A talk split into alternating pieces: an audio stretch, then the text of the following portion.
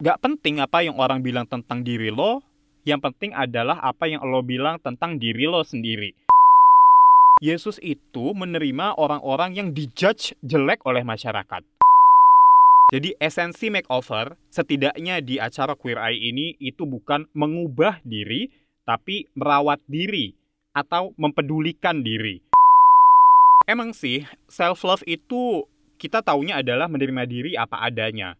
Tapi lo nggak merawat badan dan tempat tinggal itu seringnya bukan karena lo udah menerima apa adanya.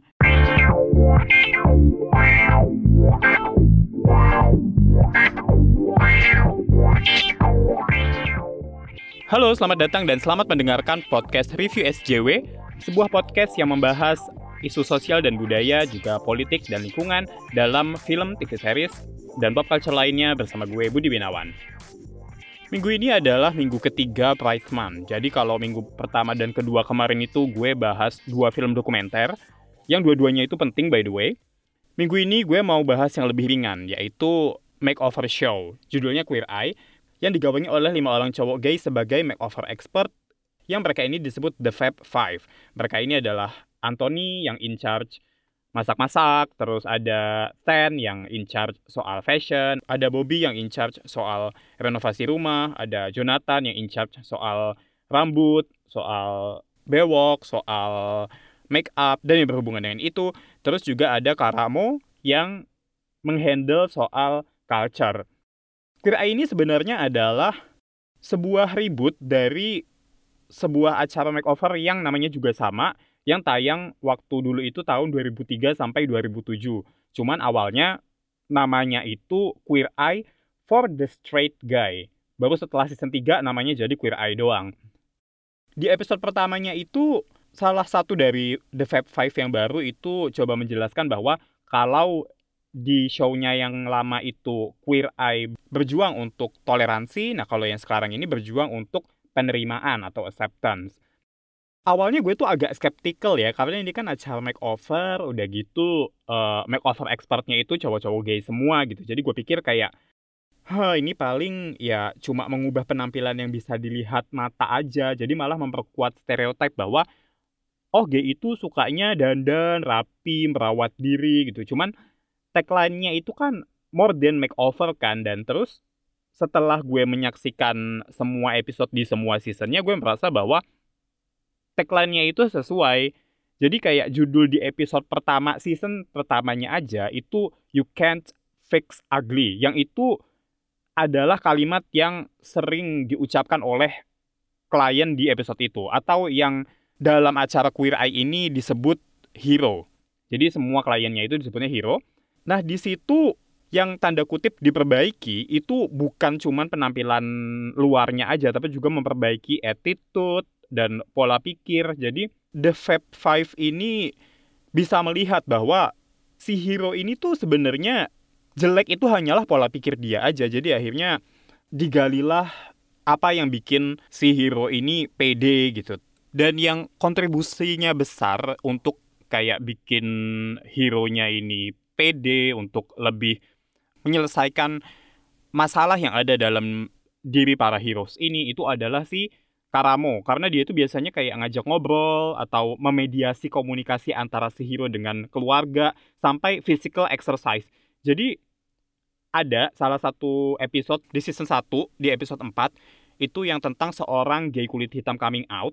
Itu kan dia takut kan takut nggak diterima oleh ibunya yang ibu angkatnya waktu itu kan karena um, gue nggak tahu ya di episode itu nggak diceritakan ibu kandungnya ke mana dan bokapnya juga sudah meninggal gitu. Dia menyesal karena dia tidak sempat coming out.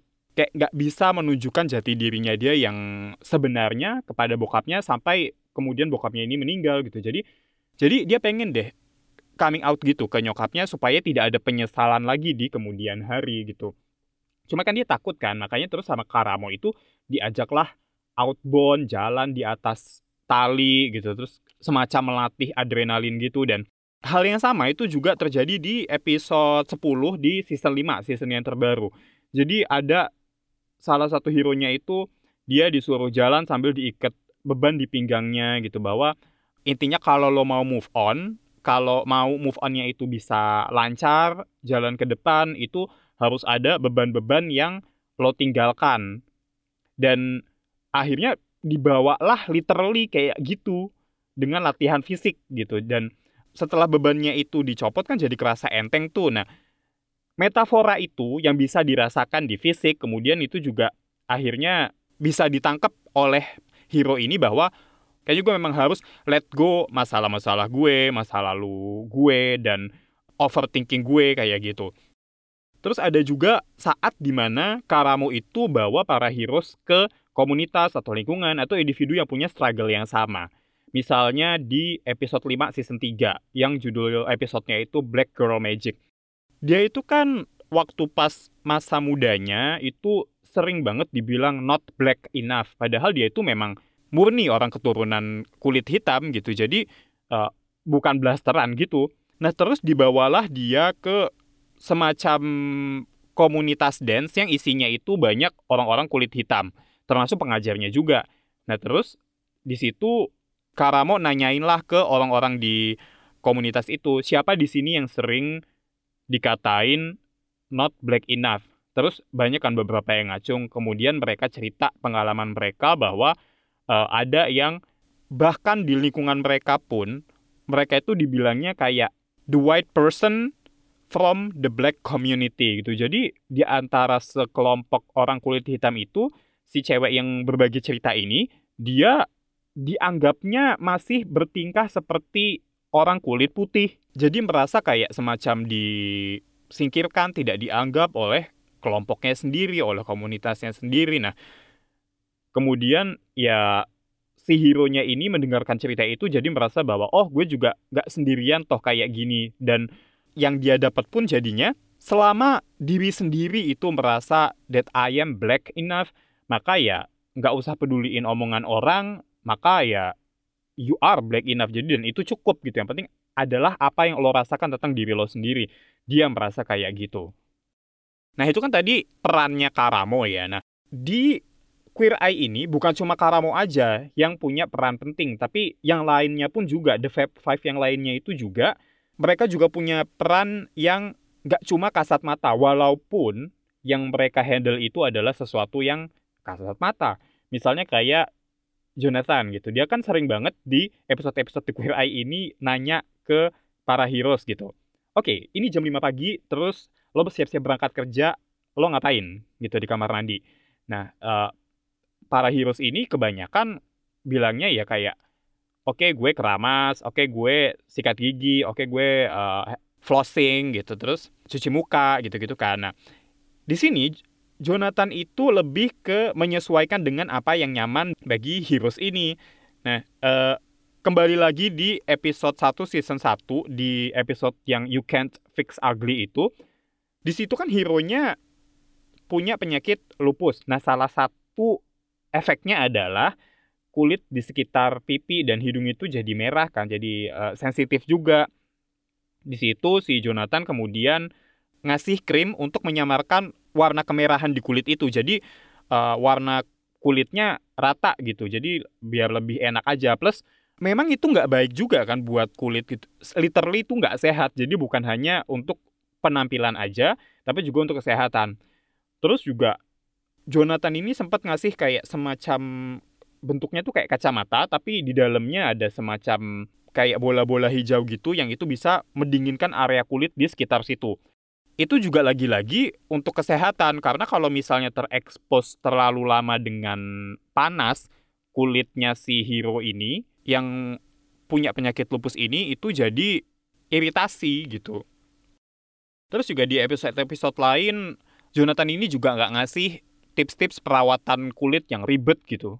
Jadi kalau misalnya orang sekarang itu kan skincare-nya ribet gitu. Jadi ada toner lah, ada pelembab lah, ada sunscreen lah, ada vitamin lah, ada masker lah, banyak banget gitu kan.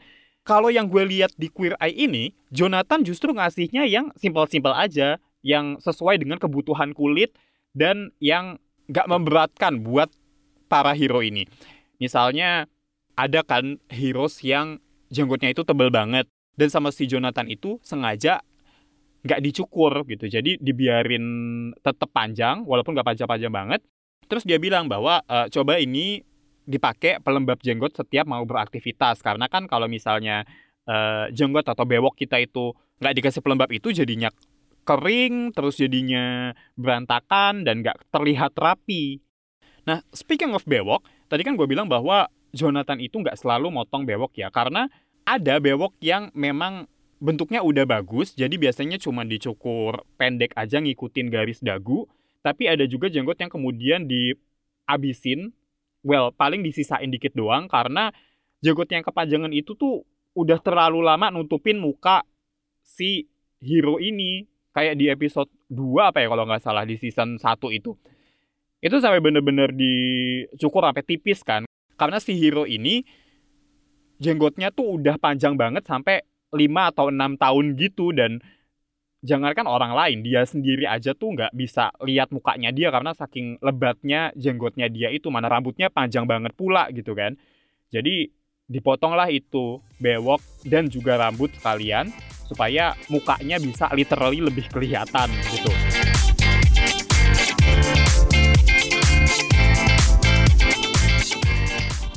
Speaking of rambut, tadi gue bilang itu pun juga sama gitu. Jadi ada yang dipendekin supaya terlihat fresh, tapi ada juga yang tetap panjang, cuman dibentuk aja gitu. Dan juga untuk warna, kan ada beberapa hero di Queer Eye ini yang umurnya udah cukup tua jadi udah ubanan gitu dan nggak pede gitu dengan rambutnya yang udah mulai banyak uban.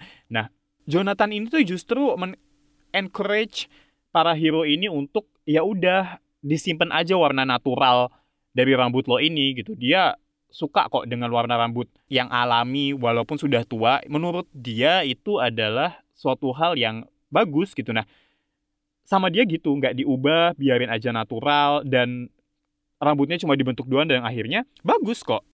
Dan si hero-nya ini yang lihat juga kemudian jadi, oh ternyata iya ya bagus ya dan lebih pede dan nggak lagi mikirin untuk mewarnai rambut mereka. Sama halnya dengan Jonathan Ten itu juga sukanya nurutin selera para heroes, nggak pernah ngusulin perubahan yang drastis banget. Paling kata-kata yang sering keluar dari mulutnya dia itu adalah ya penting age appropriate atau sesuai umur. Jadi beberapa heroes itu kan ada yang umurnya tadi gue bilang kan udah kayak 40-an, 50-an. Dan ada di antara mereka yang pakai bajunya tuh kayak nggak seumuran mereka gitu loh. Kayak umur 20-an awal, kayak seumuran gue gitu, 28. Dan itu kan jadi bikin orang-orang less respectful kan ke mereka. Jadinya mereka nggak dianggap serius. Padahal misalnya nih mereka punya usaha yang cukup besar gitu dan mereka jadi susah didengar, mereka jadi susah dianggap dan bukan cuma dari luar aja ya, tapi mereka sendiri nganggap diri mereka serius itu juga susah karena mereka dandan tidak seperti orang sesuai seumuran mereka. Misalnya ada tuh kan salah satu hero yang dia itu semacam pemilik startup, tapi dia kayak pakaiannya kaos terus yang lusuh gitu dan akhirnya dia juga jadi susah dong untuk dipandang serius kan. Terus juga ada orang yang nggak pede dengan badannya yang besar, tapi justru malah pakai pakaian yang gede. Niatnya sih untuk nutupin badannya yang besar itu. Tapi cuman, si Ten bilang bahwa kalau misalnya lo pakai baju atau kaos dan garis lengannya itu nggak sesuai, jadi kayak kelewat, itu tandanya baju lo kegedean. Dan dengan lo pakai baju yang kegedean, padahal badan lo itu udah gede, itu jadi makin memperlihatkan tubuh lo yang gede sebenarnya, bukan menyembunyikan. Jadinya malah tujuan lo untuk menyembunyikan tubuh lo yang gede itu tidak tercapai gitu. Salah satu episode yang berkesan buat gue ketika Ten itu coba untuk membenahi tanda kutip eh, cara berpakaian heroesnya itu adalah di episode 4 season 1 yang tadi itu tentang uh, orang kulit hitam yang coming out itu dia ditanyakan oke okay, uh, eh, cara berpakaian lo itu lo sukanya yang kayak gimana? Lo maunya yang kayak gimana? Nah terus yang pertama kali keluar dari mulutnya dia adalah gue nggak mau yang feminin. Nah terus si Ten notice lah sama halnya gue juga gitu. Kenapa ya kalimat pertama yang keluar dari mulut lo itu tidak feminin? Dan terus dia jawab kurang lebih, Ya karena gue nggak mau aja kalau nanti terlihat terlalu gay lalu orang-orang akhirnya ngatain gue lah atau gimana. Nah terus si Ten bilang bahwa nggak penting apa yang orang bilang tentang diri lo, yang penting adalah apa yang lo bilang tentang diri lo sendiri. I mean, gue sih juga tidak berpikiran bahwa semua laki-laki, termasuk laki-laki gay, itu ya udah lo pede aja sih pakai pakaian yang feminin, nggak harus begitu. Tapi setidaknya kalau lo tidak mau berpakaian feminin, kalau lo tidak mau berpenampilan feminin, pastikan itu karena memang lo merasa bahwa it doesn't feel right, it's not me gitu. Itu oke okay, nggak apa-apa. Tapi kalau misalnya pertimbangannya adalah takut dikatain orang ya sebaiknya jangan begitu. Sebaiknya lo selesaikan dulu masalah yang ada dalam diri lo. Karena kalau misalnya lo takut dikatain orang, berarti sebenarnya ada masalah kan dalam diri lo bahwa lo takut dijudge. Itu akar masalahnya dan itu yang harusnya diselesaikan dulu gitu. Well, tapi tetap membantu sih kalau misalnya caranya adalah dengan ya tetap nurutin dulu aja deh dengan tidak berpakaian feminin, nurutin dulu aja deh ketakutan gue dijudge orang gitu which is itu sih yang terjadi di episode 4 season 1 ini. Tapi cuma tetap aja si Ten itu milihin berbagai macam warna yang itu nggak terlalu mencolok, yang itu masih tanda kutip tergolong konservatif, tanda kutip not so gay, tapi cuman itu alternatif lain yang uh, bisa dipilih karena kan si hero ini kan belum terbiasa dengan tanda kutip dunia gay ya karena dia belum coming out ke banyak orang juga, paling ke beberapa orang temennya aja. Jadi dia masih punya banyak waktu untuk explore gitu. Jadi ya si Ten itu naruh berbagai macam pilihan baju di dalam lemari yang bisa dicoba kapan aja. Tapi Ten juga tetap nurutin seleranya si hero ini yang tanda kutip tadi cenderung agak konservatif. Oke, anggota V5 yang selanjutnya itu adalah Bobby yang menurut gue kerjanya ini paling keras banget karena dia renov rumah.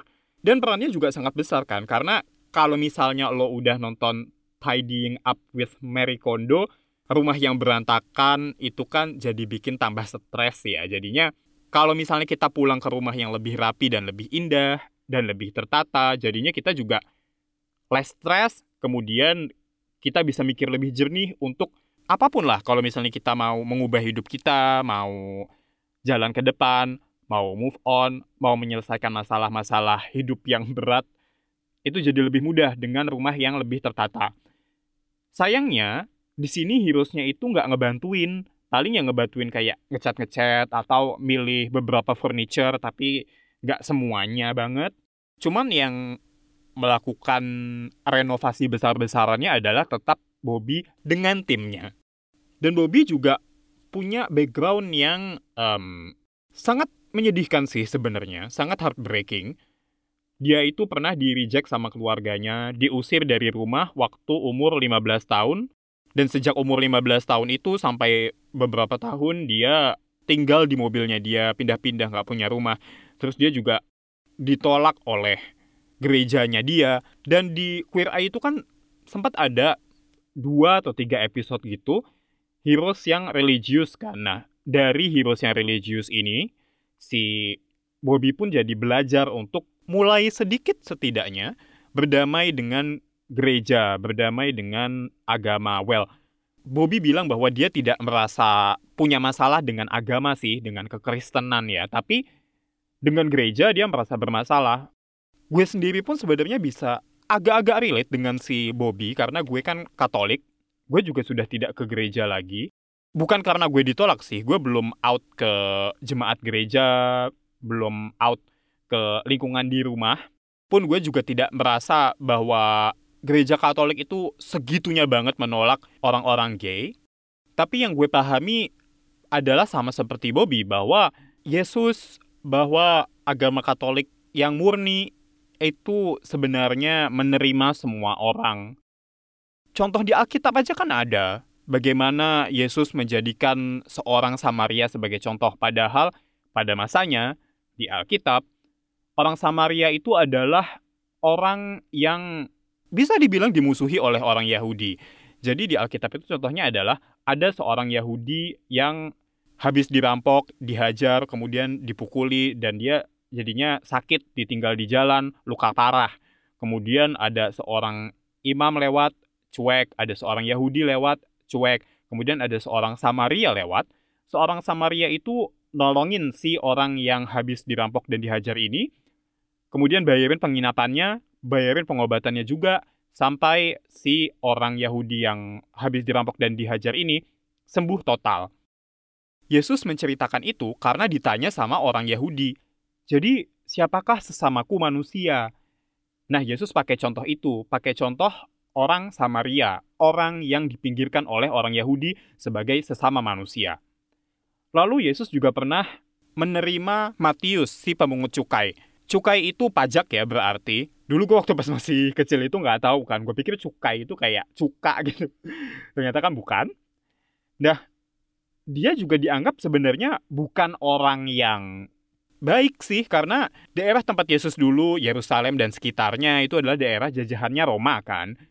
Nah, Matius itu sebenarnya juga adalah warga lokal, tapi dia bekerja memungut pajak dari orang lokal sana untuk kemudian dikasih ke orang Romawi yang adalah sebenarnya penjajah di situ. Jadi dia sebenarnya bisa dibilang jahat, tapi dia juga tidak punya pilihan lain sih gue rasa ya dari yang gue tangkap di kisah di Alkitab itu. Cuman Yesus juga menerima dia dengan tangan terbuka, terus uh, menerima tawaran Matius untuk makan di rumahnya. Nah, itu loh. Yesus itu menerima orang-orang yang dijudge jelek oleh masyarakat. Bahkan Yesus juga sampai menerima Maria Magdalena, yang dia waktu itu bekerja sebagai pekerja seks. Dan itu kan di tahun segitu lagi, di tahun berapa sebelum Masehi itu kan berarti prejudis yang diterima oleh Maria Magdalena itu kan sedemikian besar kan. Tapi cuman Yesus menerima dia gitu. Nah, Bobby atau salah satu dari The Fab Five gitu, itu pernah coba bilang bahwa kalau misalnya Yesus ada di sini sekarang, apa yang akan dia lakukan? Nah itu yang selalu gue pertanyakan. Dan gue selalu yakin jawabannya adalah Yesus pasti menerima gue, meskipun gue gay. Karena Yesus itu selalu menerima orang yang dipinggirkan oleh masyarakat dari dulu. Dan gue rasa ketika kita benar-benar ingin meneladani Yesus, ketika kita bisa menempatkan Yesus sesuai konteks zaman sekarang, gue pikir gereja juga akan bisa lebih mudah menerima orang-orang LGBT atau minoritas lain yang dipinggirkan. Tapi cuman gereja kan sudah sangat terinstitusi ya, terutama gereja Katolik. Karena kan gereja Katolik itu uh, ada induknya di Roma dan literally berjejaring sekali beda dengan gereja lain. Which is gue juga tidak terlalu paham sebenarnya, tapi setidaknya kalau yang gue tahu sedikit itu gereja Kristen deh katakanlah gereja Kristen di Indonesia itu juga terorganisasi sih, tapi tidak sebesar dan tidak sekompleks gereja Katolik. Kayak GKI misalnya, Gereja Kristen Indonesia, yang mereka berjejaring sesama GKI, which is kayak aturan ibadahnya, aturan keimanannya mungkin itu ya berputarnya di GKI aja. Kalau misalnya udah di GPBI, kalau udah di HKBP, itu bisa jadi beda lagi. Tapi cuman ya HKBP misalnya itu tidak punya otoritas untuk mengusik aturan-aturan yang ada di GKI misalnya. Nah, kayak gitu. Kalau gereja Katolik Roma itu semuanya harus sama. Which is gereja Katolik Roma itu gereja yang besar. Setidaknya di Indonesia, gereja Katoliknya ya gereja Katolik Roma.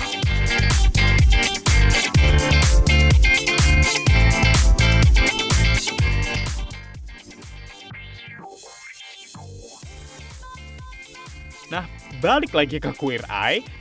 Itu tadi kan sudah ada Bobby yang dia itu belajar dari hero-nya.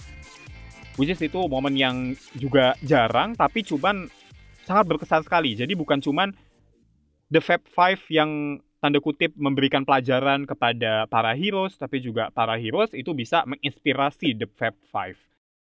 Anggota The Fab Five yang belum gue bahas itu tadi Anthony kan itu sebenarnya karena kalau gue melihatnya peran Anthony itu nggak hmm, sebesar teman-temannya yang lain lah. Karena kan dia ngurusin makanan.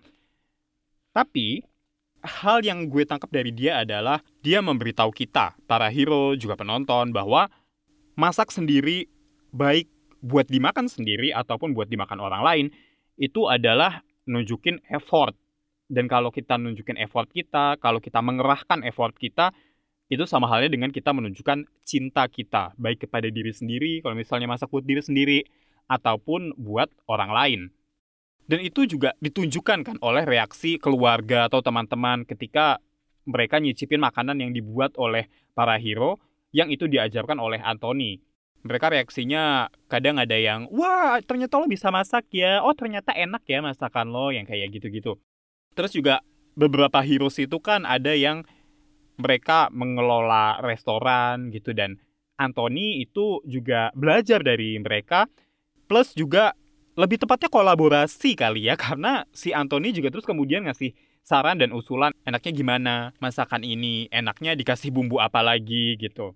Dan um, makanan itu juga ternyata membawa orang pada akar mereka. Jadi kayak mereka itu asalnya dari mana, mereka itu uh, originally orang apa. Karena ada beberapa kan heroes yang di Queer Eye itu mereka adalah orang-orang imigran dan mereka merasa tidak terhubung lagi dengan budaya mereka, dengan kultur mereka. Nah, salah satu cara untuk bisa terhubung lagi dengan kebudayaan asal kita itu adalah dengan makanan. Dengan makanan original hasil kebudayaan kita. Jadi kalau misalnya kayak ya gue orang Jawa gitu, misalnya masak apa uh, gudeg gitu, itu kan akar gue gitu. Misalnya kayak gitu ya. Oke, okay, itu dia cerita dari The Fab Five.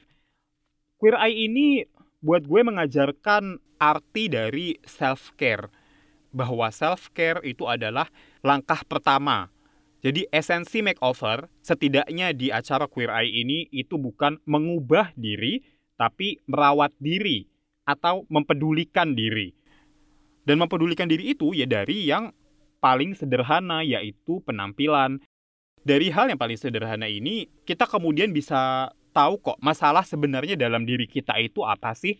Yaitu apakah kepercayaan diri, apakah penolakan diri, apakah menyembunyikan diri, apakah malu, apakah merasa terhina, merasa tidak pantas, dan lain sebagainya. Emang sih, self-love itu kita taunya adalah menerima diri apa adanya. Tapi, lo nggak merawat badan dan tempat tinggal itu, seringnya bukan karena lo udah menerima apa adanya. Bahwa, oh ya udah deh gue make upannya gini aja, gue merasa gue udah cantik kok gitu atau gue merasa dengan pakaian seperti ini gue udah rapi kok gue bisa mempengaruhi orang kok gue bisa memimpin kok di perusahaan gue gitu. Padahal sebenarnya kerap kali yang terjadi adalah nggak kayak gitu. Seringnya adalah kita itu lebih ke arah bodoh amat dan gak peduli. In a bad way. Jadi bukan kayak oke okay, gue bodoh amat sama omongan orang yang penting gue pede kok. Nggak gitu. Kayak lebih ke arah bodoh amatnya tuh yang aduh gue males lah ngapain gue dandan dan capek-capek kayak gini. Padahal ternyata ketika lo dandan ketika lo berpenampilan lebih menarik ketika lo serius memperhatikan diri lo sendiri di permukaan ternyata lo bisa lebih bahagia kok. Terus ternyata akhirnya lo bisa melihat dengan jelas masalah yang sebenarnya ada pada diri lo itu apa. Lalu kemudian lo bisa mikirin solusinya apa lalu kemudian lo bisa jalan maka dari itulah tadi gue bilang bahwa self care, bahwa perawatan diri, perawatan apa yang kasat mata itu merupakan langkah awal. Mungkin lu dengerin ini tuh mikir kayak ah masa sih sedalam itu Nah makanya nonton Queer Eye, nanti lo pasti tahu deh. Apalagi background heroesnya itu kan bermacam-macam ya. Kayak tadi gue bilang ada perempuan kulit hitam yang diusir dari rumahnya waktu dia umur 16, ada seorang pria yang dia itu gak ngomong sama keluarganya bahwa dia gak lulus kuliah, ada seorang bokap yang dia itu tinggal di sebuah mobil van kalau nggak salah, dan dia cerai dari istrinya, tapi masih sering ketemu anaknya, anaknya sering main ke tempatnya dia, tapi cuman tempatnya dia berantakan.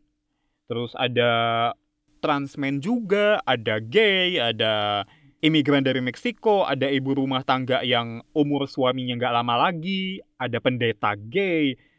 Dan pendeta gay ini menarik, sorry gue bakalan ngebahas ini sebentar. Ini ada di episode 1 season 5, season yang terbaru.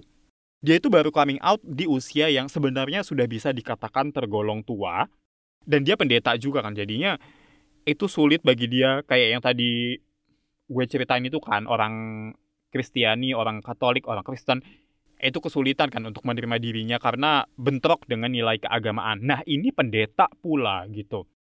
Emang sih umat di lingkungan gereja dia itu menerima dia dan dia juga sudah tidak denial lagi, tapi cuman dia masih merasa bahwa berat jadi seorang pendeta yang juga adalah gay, jadi seorang gay yang juga adalah pendeta. Makanya terus kemudian Karamo ngajak si pendeta ini untuk ketemu sesama pendeta gay juga. Bahkan ada seorang pendeta trans juga. Jadinya dia merasa bahwa oh gue nggak sendirian. Bahwa oh masih ada juga pendeta-pendeta yang masih bisa memimpin umat Kristen walaupun mereka adalah gay dan trans dan mungkin ada juga yang lesbian dan itu menyentuh sekali apalagi itu jadi episode membuka di season 5 gitu. Gue sampai yang uh, nangis banget karena itu. Menyentuh sekali apalagi pendetanya itu cute banget uh. Oke sekian episode kali ini. Terima kasih sudah mendengarkan. Di minggu ini nggak ada pertanyaan dari netizen jadi gue tidak akan bahas apa-apa soal gay atau LGBT in general. Tapi kalau misalnya kalian punya pertanyaan tentang LGBT karena ini juga masih Pride Month. Silahkan kirimkan pertanyaan kalian melalui media sosial podcast Review SJW, ada di Twitter, at review underscore SJW, ada juga di Instagram, at review SJW. Kalau kalian punya komentar, atau ada kritik, atau ada saran, juga bisa disampaikan melalui sosial media tersebut. Gue Budi pamit, sampai jumpa di episode-episode yang selanjutnya. Bye-bye!